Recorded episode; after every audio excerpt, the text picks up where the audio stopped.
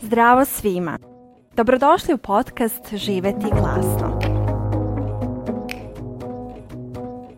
Moje ime je Sofija Borković i sa svojim sagovornicima razgovaram o njenoj veličanstvenosti, kreativnosti. Šta je kreativnost i postoje li pravila o njoj? Gdje naći inspiraciju kada nam se dese kreativne blokade i kako se povezati sa unutrašnjim vojstvom kada stvaramo? Teme su našeg podcasta. Produkcijom i audio izgledom podcasta bavi se Aleksandra Bučko iz Fabrike kreativnosti. Današnji razgovor kreativno je vođen u šumi, u prisustvu ptičica i grmljavine, a moj gost bila je Branislava Antović Aleksić, novinarka i kreatorka digitalnog prostora Branas Divine World, koji se bavi modom i lifestyleom, kao i ključnim pitanjima za naše društvo. Zbog čega je najvažnije šta ćeš na kraju dana reći sebi? Na koji način su branino samopouzdanje gradili njeni roditelji? Kako se nosi sa blokadama i zašto je san važan za kreativnost? Govorila nam je Branislava Antović Aleksić. Uživajte u našem razgovoru. Kako si danas, Brana? Jo, dobro, ali evo osjećam malo uticaj vremena, tako da sam, pada mi polako pritisak. ali ajde, ovaj razgovor će mi možda podići raspoloženje, ali da, zaista se naslučuje promena vremena i zato smo ih htjeli da požurimo da ako i padne kiša, u ovom ambijentu budemo što duže i onda da makar imamo nekih 15 minuta, pola sata sigurnih. Ako počnemo kasnije, bojimo se da nećemo imati toliko. Da, ništa, ja ću onda odmah da krenem da te pitam.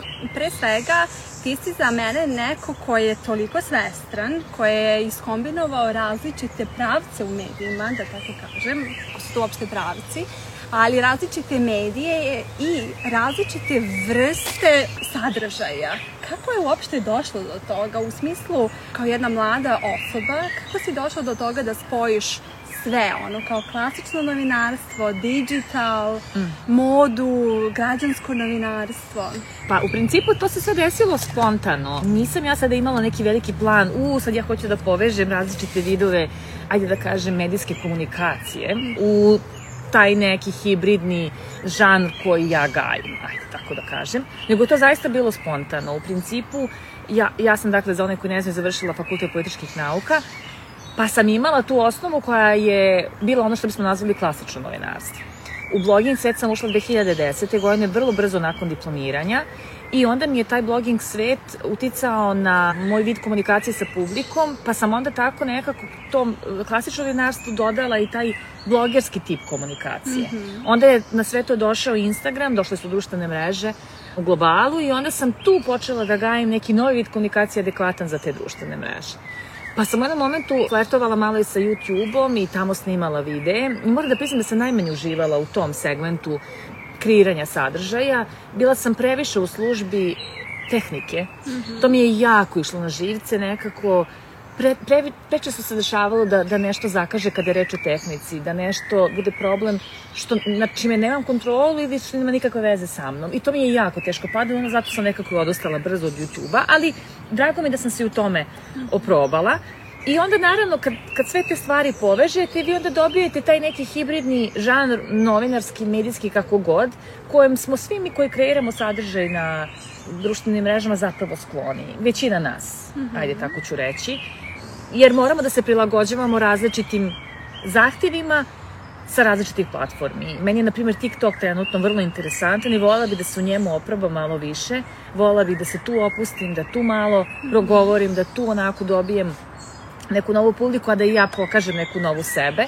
Tako da, eto, to mi je možda neki mali mini plan za, za ubuduće i opet, dakle, to je jedan spontani tok stvari. Nije nikad ništa isplanirano napred, a i nemoguće je planirati zato što pričamo o medijima koji sami od sebe stvaraju, sami od sebe postaju popularni i samim tim teško je predvideti šta će to biti sledeće, pa kao da se pripremamo za nešto. Ne, nego jednostavno pratite ono što se dešava i gledate šta bi to što je na tim platformama zastupljeno moglo da odgovara vama i vašem senzibilitetu. Mm -hmm. Znači da se ne plašimo da probamo, da istražujemo i da te tehničke stvari prilagođavamo svojoj, svojoj autentičnosti i poruci koju želimo.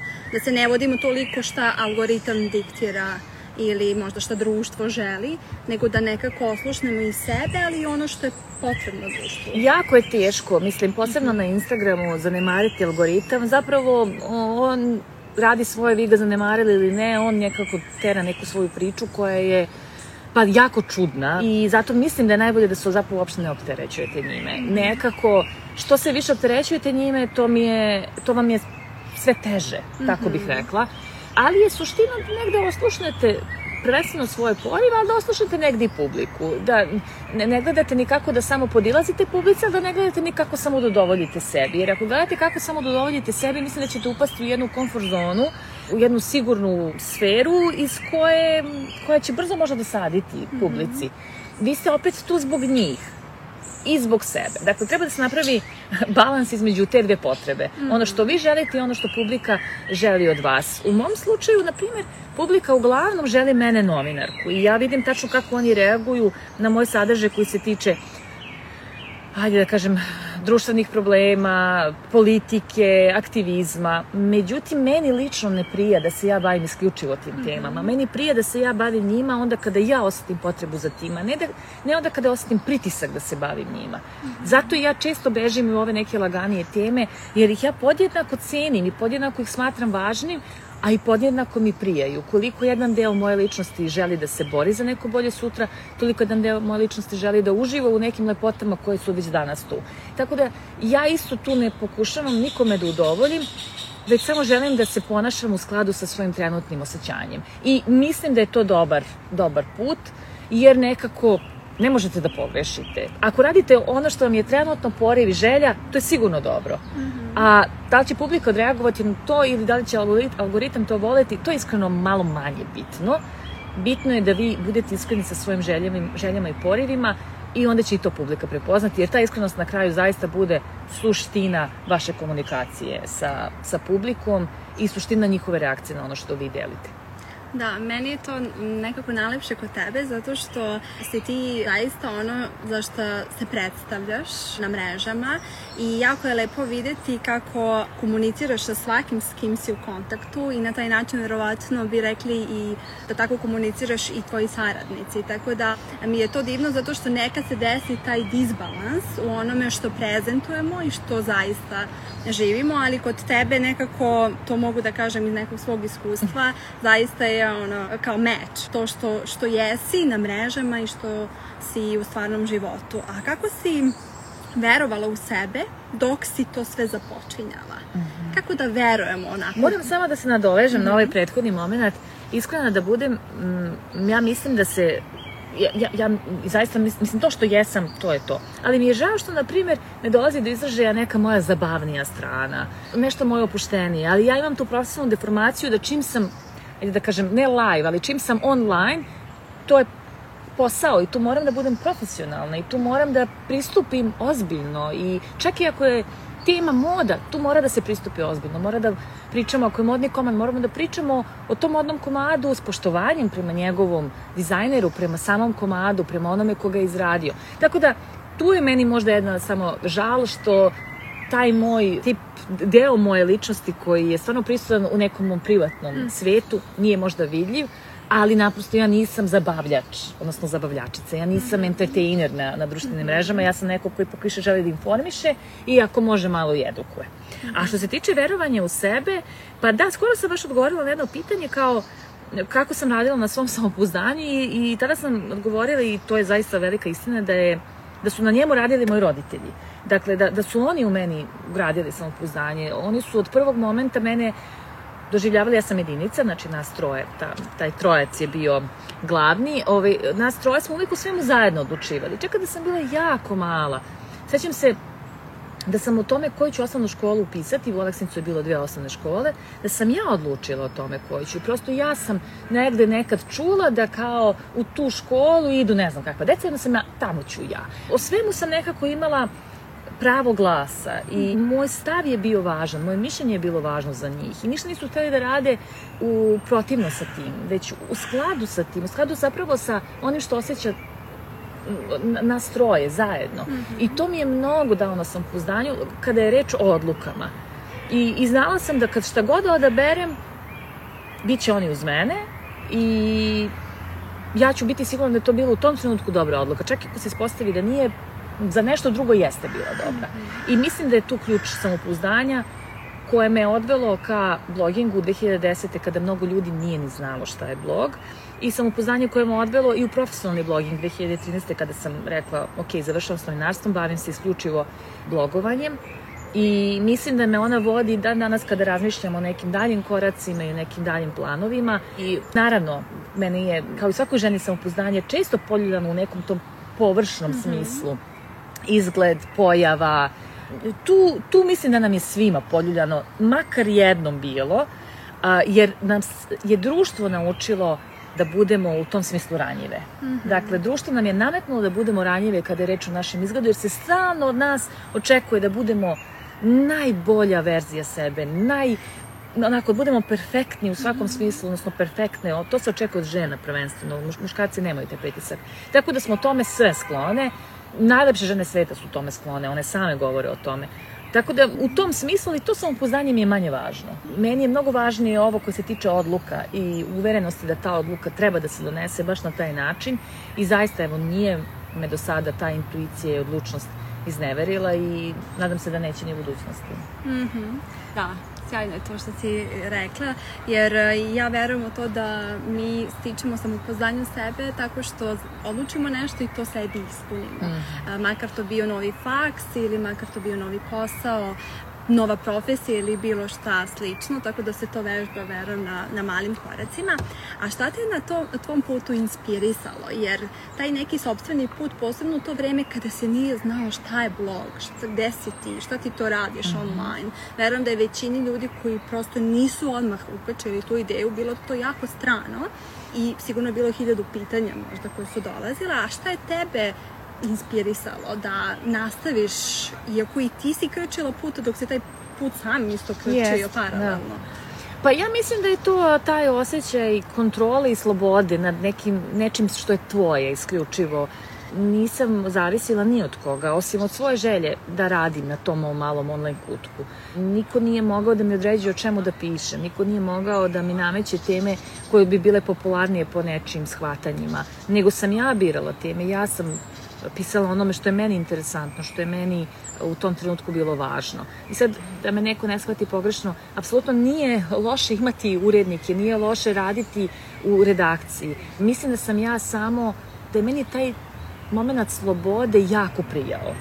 I kada sam ga uporedila sa periodima kada sam radila klasičnim redakcijama, shvatila sam da je taj trenutak možda bio ključni zašto sam odlučila da se posvetim samo blogovanju.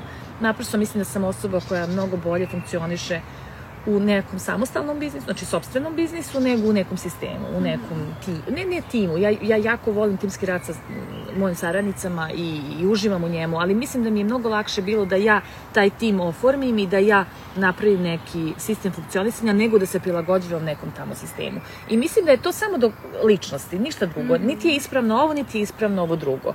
Nego samo šta, ono, šta je ono što prija ličnosti. Moj suprug, na primjer, je ekonomista i on jako voli sistem u kojem je i, i pričali smo često o tome i on se osjeća dobro kada je deo sistema, osjeća se dobro kada je deo kolektiva. Njemu, kao njegove ličnosti to prija. Meni ne. I to je sasvim okej. Okay. I jedna i druga stvar su sasvim okej. Okay. Ne treba niti jedno, niti drugo ni podaštavati. Samo su naprosto različiti kao kada neko više voli jedan ukus, a neko drugi. Eto, to je, to je po meni, mislim da je to bukvalno identično. Mm -hmm.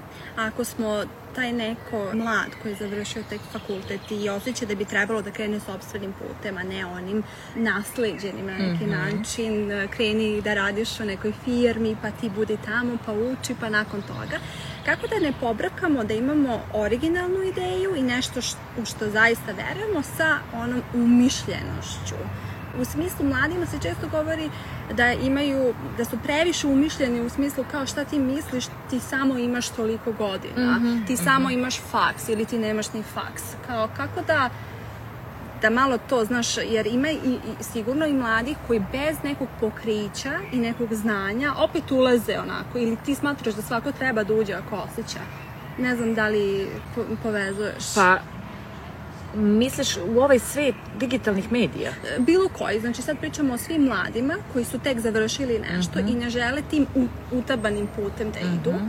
ali ka, oni nemaju sad neko ono kao background, neko znanje u smislu na osnovu čega su oni to odlučili verovatno, na, na osnovu nek, nekog unutarnjeg glasa i vođstva. Uh -huh ali kako tu da ne pobrkamo, ono, umišljen sam, ja mogu sve, ja znam sve, sa onim verujem u neku svoju ideju. Jo, pa ne, to umišljen sam, to iskreno da budem, ne znam, ni ne, ne doživljavam nekog da je umišljen zato što misli da, da želi da se bavi nečim i ima neki pravac i cilj. Ta osoba ima želje koje su vrlo jasne i ona ide ka njima. I ako je to tako, samo nastavite ka njima. Mislim, nekako toliko, evo sad i dok slušam to pitanje, toliko sam daleko od tih razmišljanja, a zapravo da, mnogi verova... Ja mislim da je mnogo veći problem to ne šta će im reći da su umišljeni, nego što će im reći ne, tu, tu nema ili zarade, ili ne, to ti nije sigurno, ili ne, to, šta ti je to, kakav ti je to posao, neozbiljan. Dakle, ja, ja sam isto godinama morala da slušam kako je blogging neozbiljan, kako je sve što ima društvene mreže, kako nije pravi posao, kako je prodavanje magle, kako je ne znam već šta. Mislim, ljudi, ne, ne znam kako da objasnim i zašto bismo morali da objašnjavamo da je svaki posao posao. Bukvalno, svaki posao je posao. Da li je neki lakši ili nije, to je nešto što mislim da ne treba ni meriti, a i na kraju krajeva ako je neki posao lakši, sjajno, ne treba da budemo nikakvi robovi rada i, i, i rintanja od danas do, do, do sutra, nego treba da tražimo i način kako da živimo lepo, da radimo ono što volimo, a da imamo vremena i za mnoge druge stvari. I ne mislim da je problem u tome da li je nešto dovoljno ozbiljno, nego da li nešto nas ispunjava ili ne. To je jedina i ključna stvar. I da li to što radimo nas čini srećnim osobama ili ne. Tako da, baviti se nekim ozbiljnim poslom samo zato što je ozbiljan, prihvaćen tako u društvu, a da ga iz duše ne volimo, pa to je, mislim, najveća, najveća tragedija koju možemo sebi da napravimo. Jer tim poslom se bavimo minimum 8 sati dnevno. To je nekad i duže nego što provedemo s porodicom. Tako da ne bi se ja mnogo plašila da li će neko reći da smo umišljeni ili ne, nego bih se više plašila da, da ne podlegnem tom pritisku okoline koja će reći ma nemoj to ili ma ajde molim te, znaš li ti kakva je zarada ako se baviš umetnošću ili ma daj nemoj upisivati gimnaziju, posle nje nemaš ništa. Znači to su su lude stvari. A da li će vam neko reći da ste umišljeni zato što ste rešili da idete nekim svojim putem, ma kakvi, to je tek ono, jedna sporedna stvar. Tako da moramo da... Ja mislim da klinci nemaju taj toliki problem. Mislim da su to naše generacije bile jako pod uticajem svojih roditelja koji su pak odrastali u tom socijalističkom društvu i onda su im oni prenosili ta pratio ih taj socijalistički duh. Mislim da sada klinci generacija Z nema više taj pritisak, da su oni vrlo jasno shvatili šta je kapitalizam i da pokušavaju da se sa njim vrlo dobro izbore, u smislu da mu ne robuju i da ne budu to vrednovani po tome da li oni rade 12 sati ili ne. Ne, on želi da radi koliko treba da radi za to da bude dobro plaćen i uživa u tom poslu i da ima dobre uslove. Ako nema, on će to menjati. I to mi je jedna od lepših stvari koju primeću kod mlađe generacije, što su spremni da menjaju stvari kojima nisu zadovoljni. Amin. a reci mi, šta je za tebe kreativnost? Jer tvoj posao izgleda jako kreativno, a sama si rekla da ti pristupaš i tim kreativnim temama vrlo odgovorno. Šta je to za tebe? Da li smatraš da su svi ljudi kreativni ili samo oni koji se bave kreativnim poslovima? A mi u šumi iz telefona. A nisu svi ljudi kreativni, kao što nisu svi ljudi talentovani za matematiku, kao što nisu svi ljudi talentovani da poprave televizor, ne znam. Dakle, to je opet neka stvar koja onako raspoređena ne, na neki, ne znam već kako način koji je univerzum odredio, ali ne znači sada da to ako je neko kreativan ga čini nešto mnogo bitnijom i važnijom osobom nekog ko nije. Poenta je da svi od nas imamo neke sposobnosti, neke kvalitete, neke talente. Svaka osoba u to verujem da ima nešto što može da ponudi i sad je samo pitanje koliko ćemo na tome da radimo ili ne i da li ćemo uspeti da se nađemo u tim talentima i sposobnostima uz pomoć roditelja ili pak samostalno. Tako da kreativnost u mom slučaju, pa da, ona je sastavni deo mog posla i vrlo je važan deo, jer vi tu morate da, da, da se stalno domišljate kako da predstavite nešto na neki novi, drugačiji način, kako da iskoristite taj medij koji vam je dat, da što bolje se predstavite publici što bolje da obradite neku temu i za to je potrebna kreativnost. Čak i ako niste tako kreativni, možete da imate saradnike koji su kreativni, pa da vam oni u tome pomognu. Ne znam, da angažujete fotografe, da angažujete snimatelje, da angažujete osobu koja će vam se baviti društvenim mrežama. Nije sad to nešto gde vi, ako niste dobri u tome, propada sve. Pojent je u tome da vi znate šta je ono u čemu ste dobri da krenete od toga. Pa ono kasnije što možda fali da na tome radite, edukacija je jako važna, a ako ne uspete u tome, pa angažujete neko ko će vam pomoći. Ne treba ni svi sve da znamo, super je ako možemo da baratamo sa više viština, ali, kažem, nije problem ni nekog unajmiti u ovom poslu, makar je to moguće, naći sjajne saradnike, mlade ljude željne rada, željne tih nekih lepih iskustava, Tako da eto, to je moj savet, da, da, da delagiramo obaveze, da, da ne držimo sve za sebe, mm -hmm. nego da baš pružimo priliku i nekim drugim ljudima koji možda žele da se ostvare, pa eto da zajedno utabate taj put ka nekom cilju. Mm -hmm. A šta radiš kada ti se dese kreativne blokade? Ne možeš, pa ne možeš. Pa odmaram, da. Ja sam neko ko vrlo voli da odmara i uopšte nisam sad kao radoholik, ja moram da radim sad ne znam koliko. Ne, ja volim da odmorim kad god mi se ukaže prilika. I volim tu svoju osobinu, na nju me, na, mislim, nju mi je istrenirala anksioznost, moja slavna, koja prosto me natirala da ja kad god preteram, moram da zastanem i da odmorim i onda mi je taj taj način života ušao posle rutina. Mm -hmm. I u smislu kad god osetim da sam previše sedela dugo za kompjuterom, ja ću ustati da prošetam, da ne znam, jednostavno nešto uradim drugo, da sebi razbijem tu rutinu, jer rutine tog tipa mi ne prijaju.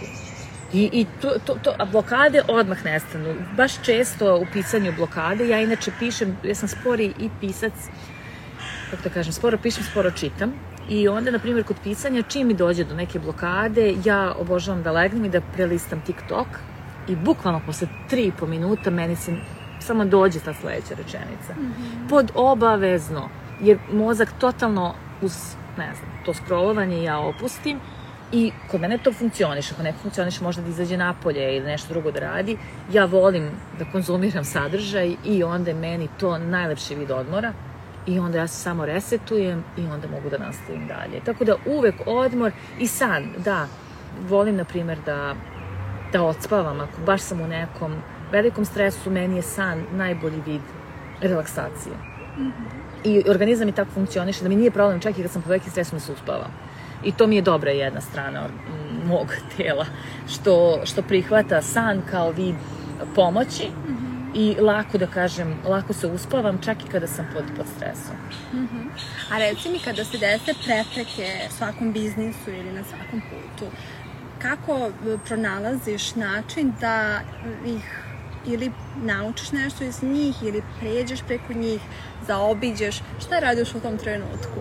Većina ljudi onako fight, fight, freeze, znaš kao mm. problem je, a zapravo imati biznis, imati neku svoju priču, znači stalno se suočavati sa nekim preprekama ili izazovima da, i rešavati da. neke stvari koje iskreno kako ti Pa ja u poslu iskreno nisam imala mnogo prepreka, više sam u privatnom životu, odnosno u mom isključivo zapravo prepreke su bile moje moje mentalne blokade, ne mentalne blokade, nego moj problem mentalne prirode, a to je anksioznost. Dakle, to je bila moja najveća prepreka. To da imam problem da, da krenem na sastanak jer sam tog dana jako anksiozna i bojim se da ću, ne znam, u kolima doživjeti napad panike. To su bile moje prepreke. U poslu iskreno ne. Nekako ovaj posao samo zavisi od vas radite ga onoliko koliko želite, kako želite i tu nema, ako se desi prepreka s klijentom, prosto to se reši brzo, ne poštuje neko dogovor, nema više tog dogovora, kraj, završavamo.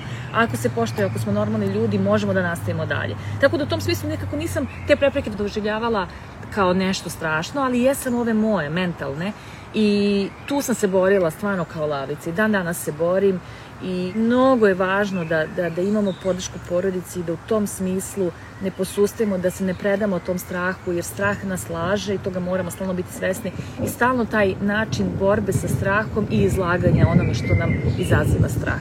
Konstantno, konstantno, konstantno, jer ako se učaurite i dopustite strahu da zavlada vama, vi zapravo ulazite u jedan začaran krug iz kojeg nema izlaza, odnosno sve će vam biti teže da izađete. Kad se stalno izlažete tom nekom malom stresu, onda on se smanjuje dodatno.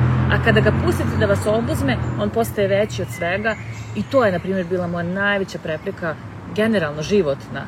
I borim se sa njom i dan danas, borim se konstantno i borit ću se vratno do kraja života, ali zato ove druge nepre, neke prepreke ne, ne pridajem im značaja. Zato stvarno nemam ja vremena sad da se bakćem, ne znam, znaš ono kao, da li ti je neko kao postavio klečku na poslu, kao da ti neko, stvarno, mislim, to mi je toliko nebitno, iskreno nikad nisam imala takav neki, niti događaj, niti utisak, ali u tom svi su neke prepreke, kao neko te sabotira ili, jo, iskreno, meni je najgore bilo što sam ja sabotirala samu sebe, tim mm -hmm. momentima potpadanja pod strah. Mm -hmm. Tako da mi je to bilo mnogo važnije od svih drugih prepreka i bilo mi je tu je moja borba bila glavna. Mm -hmm. Danas sam pisala tekst kako reči koje koristimo postaju život koji živimo na neki način i kako, ne znam, u vreme naših baka i deka to kao da kažeš strah me je, to nisi tako mogo lako da izvučeš, jer kao što te strah, o čemu ti da, pričaš. Da, čutalo se, krilo se, gutalo se, i mm. onda pucalo se. Da, ali sad s druge strane mislim da mladi prečesto koriste tu reč ja bojim se. Da kao opravdanje da uopšte i ne pokušaju bilo šta mm -hmm. da mhm. urade. I mislim da sad, ok, kada su neka anksiozna stanja i prosto nešto što ima ona svoju medicinsku, ako je to je. medicinska jest, pozadina, jest. o tome naravno ne govorim. Govorim više o tim strahovima koji su iracionalni, što ti kažeš, da se stalno treba podsjećati, ok, to je samo u moje glavi, evo ako izađem i čujem ptice, već se malo smirim, znači nije toliko realno. Da, ali mnogo je, mnogo je ljudima koji imaju probleme ovog tipa reći, ej, znaš, ali to nije realan strah, ma mislim, to im ništa ne, ne pomaže. Ne, to ne, to ne. To ništa Nego ne pomaže. ovako, ono, bojim se sad da krenem u svoj posao. Jeste, strah od to. neuspeha, strah Tako, od, znaš, razumem. Mislim da to koristimo kao reč, da bismo samo dali opravdanje da ne uradimo ništa, mm. umesto da kažemo, okej, hrabar sam, hrabra sam uprkos tom mm -hmm, strahu. Razumem. Znaš, ono kao, ok, život radi za me, nekako, ne, ali ne ono čantranje, mantranje i pozitivne afirmacije, mm. bez delanja, nego ok, hajde da uradim i sebi upravo ono što si pričala na početku o tim odlukama i veri u sebe koja se tako postiže tako što odlučimo i uradimo to i sve Jasno. više i više. Jer mislim da tu postoji onako neka malo mistifikacija, znaš, e, zapravo tvoj biznis i ono što ti radiš je tom nivou, ti si jako uspešna upravo zato što kažeš i sama da si lavica koja ima želju, ima motivaciju i radi na tome, znaš, jer i ti verujem da si na svom putu mogla sto puta da kažeš, ok, strah me da upalim kameru, na primer, ili strah me da objavim nešto, strah mm. me da pričam pre godinu dana, godinu i po nekim aktualnim temama. Mm. Znaš, mogla si da kažeš, pa ja nisam, nekako u tom smislu zašto Jeste, koristimo Sofija, to? ali ne možemo da očekujemo od svih mm. drugih da se ne boje. Nismo svi isti. Ja sam u svom životu shvatila da je naj gluplje osuđivati druge. Zato što zaista ne znamo šta se negde iza tu zbiva. O mom problemu niko nije znao do moje 25. 6. godine, jer sam mislila da je to nešto najstrašnije što može da se... Ne, ne najstrašnije, nego da je sramota što ja imam neke strahove, da je sramota što ja imam panične napade. I onda su, verujem, mnogi mislili, ne znam, da sam nekim momentima bila loš prijatelj jer sam otkazivala viđanja u poslednjem trenutku. Jer ja nisam imala tog dana dovoljno snage da krenem do grada, da se vidim sa nekim. Ili sam, ne znam, nekad bila fokusirana na sebe previše jer sam razmišljala, jao, šta ako sada mi se desi napad panike, a tu je celo moje društvo i misleći da, ja znam, da sam luda. Mm -hmm. Tako da, ne treba da ljude ni osuđujemo što nemaju hrabrosti, treba da ih osnažimo da tu hrabrost negde pronađu. A ja mislim da kroz ovakve razgovore, gde mi jedni drugima otvoreno kažemo, ej, ja imam problem, svi imamo problem, ali evo, mogu i s tim problemom da izađem i da da, da se bavim ovim poslom, mogu da, da se izložim javnosti, da se izložim kritici i da zapravo bi to postane najmanje bitno što sam ja izložena nekoj javnoj kritici. Jer ti onda sam sebe si toliko ojačao da je tebi najvažnije šta ćeš ti iznutra da kažeš sebi. Ja sam skoro baš podelila jedan citat nije citat zapravo stih, kao verujem da je devojčica u tebi ponosna na ono što si danas. Mm -hmm na ono što si danas mm -hmm. i mislim da je to suština. Da mi sebe zapitamo, ej, je li to dete u tebi, to, ta mala osoba, ponosna na ono što ti jesi danas? Jeste. Pa to je odgovor. Mm -hmm. I to je suština, da zapitamo, ej, šta je to što tebe lično pokreće? A onda ćemo u tome vratno nađi neku hrabrost koja će nam ovaj, rešiti te strahove.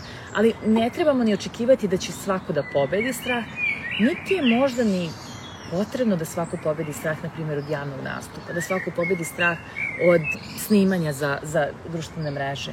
Nismo svi predodređeni za sve. Mm -hmm. I ne treba da, da, da, da, da se naprosto i osjećamo loše ako nam to ne ide i nemamo potrebe da se snimamo i želimo samo da, na primjer, fotografišemo svoj, svoju umetnost, svoje mm -hmm. ilustracije, na primjer. Mm -hmm.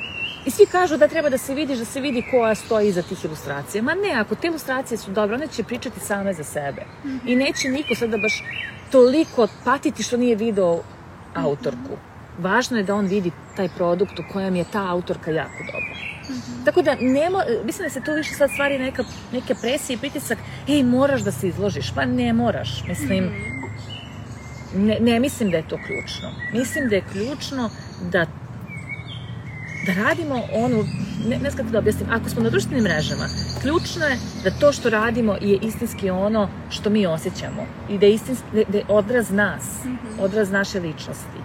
Pa će ona naći put već nekako, a ne moramo da budemo mi ta ličnost koju će neko gledati. To može da bude naš rad, naš recept, naš, ne znam, fotografija, šta god, naš, naš tekst, naše objave o svemu onome što se dešava u društvu oko nas. Ja, na primjer, jako volim neke profile na čiji autore nikad nisam videla. Mm -hmm. Primer, Keks za konja, sjajan profil. Vaselin.dion, ja mislim da je, mislim, sjajan profil, ok, on se sad i snima često, ali to su profili gde ja njima ne vidim lice nedeljama, mm -hmm. ali se oni bave nekim sjajnim temama i da skreću stvari na nek, skreću pažnju na neke sjajne stvari. Mm -hmm. Tako da mislim da ne treba ni da stvaramo tu presiju od svih da moraš nešto. Ne, nekad je dovoljno i da samo osetimo šta je ono što ne možemo. Pa da znamo onda šta je ono što možemo. Mm -hmm. Mm -hmm. Mislim da je u tom smislu strah dobar. Ok, to, toga se bojim, to onda neću, a da vidim čega se ne bojim, da vidim šta je to da je moja želja toliko jaka da nadjača i strah. Mm, to sam lepo rekla. I da budemo strpljivi, jer mislim da je to malo onako nešto Tako što smo izgubili u današnje Tako vreme. Tako je, apsolutno. Sebi smo odmah i sad. Joj, da, da, to baš moramo mnogo da budemo strpljivi, posebno s ovakvim poslom, jer tu zaista ne može ništa preko noći i kad vi vidite neke ljude koji ne znam, imaju ne znam koliko pratilaca i tako dalje, verujte, to je, ako je sve bilo regularno, to je iziskivalo dosta rada, vremena i truda. Mm -hmm. Tako da ništa vam drugo ne proste nego da se posvetite i da date svoje vreme radi trud, ali samim tim i da imate strpljenje. Mm -hmm ti si tu sjajan primer zato što si upravo tad počela pre 10 godina, 2010 11. 12. 12 da. godina sad i zapravo, ok, ti si sad tu gde jesi upravo zbog toga jer se svaki dan na tome radila. I to je ono što u nama ljudima da vidimo samo taj neki krajnji rezultat i samo te neke brojke i ponude, a zapravo nismo naravno sudelovali, u, nismo prosto bili tu i učestvovali dok je ta osoba postajala to što je danas. I to mi je drago da o tome pričaš zato što taj uspeh preko noći je vrlo često ono, satkan od 5-10 godina mm. ili nekome se desi u dve godine da je, ali pre toga je 10 godina usavršavao svoju profesiju i onda je izašao na mreže i za godinu dana je to sve Tako eksplodiralo, ali taj neko ima iskustva iza sebe. I šta bi danas poručila ljudima koji tek kreću? Pošto danas upravo to da slušaju sebe, znači da ne idu uprko strahu, ali kao neke, neke alate ili tehnike ili smernice koje bi dala, znaš kao da danas neko kreće da li bi mu isto rekla kreni sa blogom ili ne. Jel pa ne, tu, da, to, to totalno je drugačije vreme. Mm -hmm. Nažalost, blog kao forma je izgubio, kako da kažem, relevantnost i to je velika šteta, ali sa druge strane, zašto i ne biste pisali ako imate potrebu da delite pisani sadržaj? Mislim da je jako važno da imate svoju platformu nevezanu od društvenih mreža. Neka to bude blog, neka to bude šta go, mislim da, neki vid sajta. Ali mislim da nije danas dovoljno da ste samo prisutni na blogu. Mislim da je danas jako važno da ste prisutni na društvenim mrežama, da tamo delite svoj rad, da tamo delite ono što delite i na blogu. Pa da na blogu, na primjer, delite nešto što dodatno, nešto što će, gde ćete odvući svoje pratioce koliko žele da pročitaju ili čuju nešto više od vas. Suština je Mislim, danas ako bih dala savet, morate biti na društvenim mrežama i sad zavisi koje se ciljnoj grupi obraćate. Starija, bumerska ekipa je na Facebooku, milenijalci masovno na, dakle, dominantno na Instagramu, a generacija Z na, na TikToku. I Mislim da je onda sad sve jasno. Dakle, doduše, TikTok, mislim da su milenijalci onako vrlo srdačno prihvatili i da ga sve više koriste. Tako da, jasno je. A ako želite da im se obraćate, znate, i znate koja ciljna grupa, onda odaberite na osnovu toga i platformu na kojoj ćete graditi svoj profil. I kada to učinite, samo krenite. Mislim da je suština u tome da krenete, jer dok ne krenete nećete znati koji je vaš smer, koji je vaš stil, koji je vaš pravac. Možete unapred da napravite neki mood board, pa da znate kakvi profili vam prijaju oku, kakvi vam prijaju za čitanje, šta je ono. Mislim, ja sam uvijek hodila tom parolom, kreiraj sadržaj kakav bi ti volala da čitaš. I to je ono što me danas vuče. Ne- Nekako u tom smislu mislim da treba da upravo na početku udovoljite sebi, dakle da se vodite svojim željama i porivima, pa tek onda naknadno da vidite kako se to uklapa i sa željama i porivima publike. Opet vraćamo se na početak, daj da kažem, napravili smo tamo jedan krug. Poenta je da krenete. Dakle, e sad tu, mislim, ako imate strah, a ne znam što da vam kažem, onda, mislim, ovi savjeti nemaju mnogo smisla. Jer, ako imate strah od društvenih mreža, ok, ja sam kao malo pre što sam rekla, ja to razumem. Ako ga nemate i želite savet, onda je samo krenite. Čak i ako imate strah, ako krenete, vidjet ćete da se ništa loše neće desiti, samo zapravo dobro. Sve što proistekne iz tog vašeg angažmana na društvenim mrežama, mislim da može da bude samo dobra stvar. I onda polako, korak po korak, edukacija stalna, sada je stvarno dostupno mnogo i kurseva i YouTube videa i Instagram tutorial, Instagram profila, ma sve vam je dostupno. I jedna onako, mislim, nekako mi je sad malo izlišno da pričam o tome, jer čini mi se da su sad već svi apsolvirali i prisutno na društvenim mrežama. Toliko sjajnih profila viđam kod ljudi koji uopšte se ne bave društvenim mrežama profesionalno, već tu radi doko, mislim, ispunjavanja svoje dokolice. Tako da mislim da smo malo prevazišli taj moment šta raditi. Mislim da je samo poenta da kreirate sadržaj kakav volite, pa ako to ima potencijala primetit će ga šira publika, proširit će se priča o vama i doći ćete do nekog svog prvog malog cilja, a onda nakon toga idete ka nekim većim ciljevima. Mhm, Hvala ti mnogo na tome. I šta je danas Banas Divine World? Pa on je danas portal na kojem radi jedna sjajna ženska ekipa, nas je, boga mi, mm, 13 trenutno, ja mislim, stalno se menja te broj, 13, 14, 15, pa jer nas je, ajde da kažem, nas pet u toj stalnoj ekipe, ostalo su novinarke i onda one, naravno, ko koliko može, učestvuje e, svojim tekstovima i to je jedan onako stvarno divan svet na kojem se trudimo da pišemo o nekim sjajnim temama i naj, najrazličitijih oblasti. Od mode i lepote preko umetnosti i kulture do, ne znam, interijera putovanja, ali i društveno važnih tema i aktivizma. I to je portal za koji stvarno, eto, se iskreno nadam da će, da će u narednim godinama postati jedno onako fino i važno mesto za sve koji vole takav sadržaj. Mislim da već jeste, ali za tu jednu malu ciljnu grupu, doduše, mada možemo da se mi pohvalimo i, i brojkama kada je reč o posetama, ali se nadam da će se to, to se proširiti i to mi je negde najveći cilj i plan za budućnost, da BDV onako postane prepoznat u tom svetu lifestyle medija. Ok. Dve stvari za kraj, pošto si rekla da I bi... da, evo, i mislim da će uskoro kiša. Ovaj, pošto si rekla da bi volila da te ljudi upoznaju u nekom malo zabavnijem svetlu, da li želiš da podeliš sa nama neku anegdotu? Joj, ne, pa Sofija, gde sad da se setim? ne. A gde sad da se setim? to je bukvalno, ajde nam reci nešto smešno. Glumcu kad kažeš. Pa ne, ne želim da me Ne, upoznaju. se. Ne, nego jednostavno mi je žao što nekako ja nemam slobodu da se vidi taj moj kao da sam tako malo spontanija. Ja uopšte nisam spontana na mrežama. Uopšte, uopšte. Sva sam nešto kao ukočena. Kao da Tako sam ti rekla za anegdotu ranije da pripremiš, pa da... Pa da, ajde kao, da. Ali ne, ne, ne mogu da se setim sad. Poenta je u tome da je to najgore kad nekog pitaš, kao, "E, aj sad kaži nešto kao što bi moglo da bude Ajde se smešno. nešto, pa dobro, ja kao da ti pomognem. Hvala ti, Sofija. Cenim to. da, dobro. Ovaj, I da imaš jedan dar da podeliš svetom i celom svetu da ga daš, koji bi to dar bio? O, evo prvo što mi je palo na pamet, da udomim sve, sve napuštene životinje. Eto, da svaka, da svaki pas i svaka maca imaju svoj dom i da svaki dom ima svog psa ili macu ili neku drugu životinju. Ajde, ja sad sam se mm, suzila na kuci maca, ali generalno, stvarno na nekako bih mnogo volala da promenim odnos prema napuštenim životinjama. Ako ništa drugo, eto, makar u našoj zemlji. Mm -hmm. To me baš onako... Ma imam toliko želja, ali evo ova mi je sad ovih dana stalno nalazim na te priče i baš me pogađaju. I evo sad bukvalno prvo što mi je palo na pamet je to, pa neka bude to. Hvala što ste poslušali ovu epizodu podcasta Živeti glasno. Nadamo se da ste za nijansu više ohrabreni, ispunjeni ili inspirisani. Do naredne epizode želim vam mnoga lepa i kreativna ostvarenja.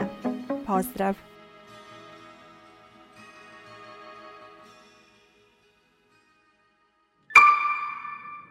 Produkcija Fabrika kreativnosti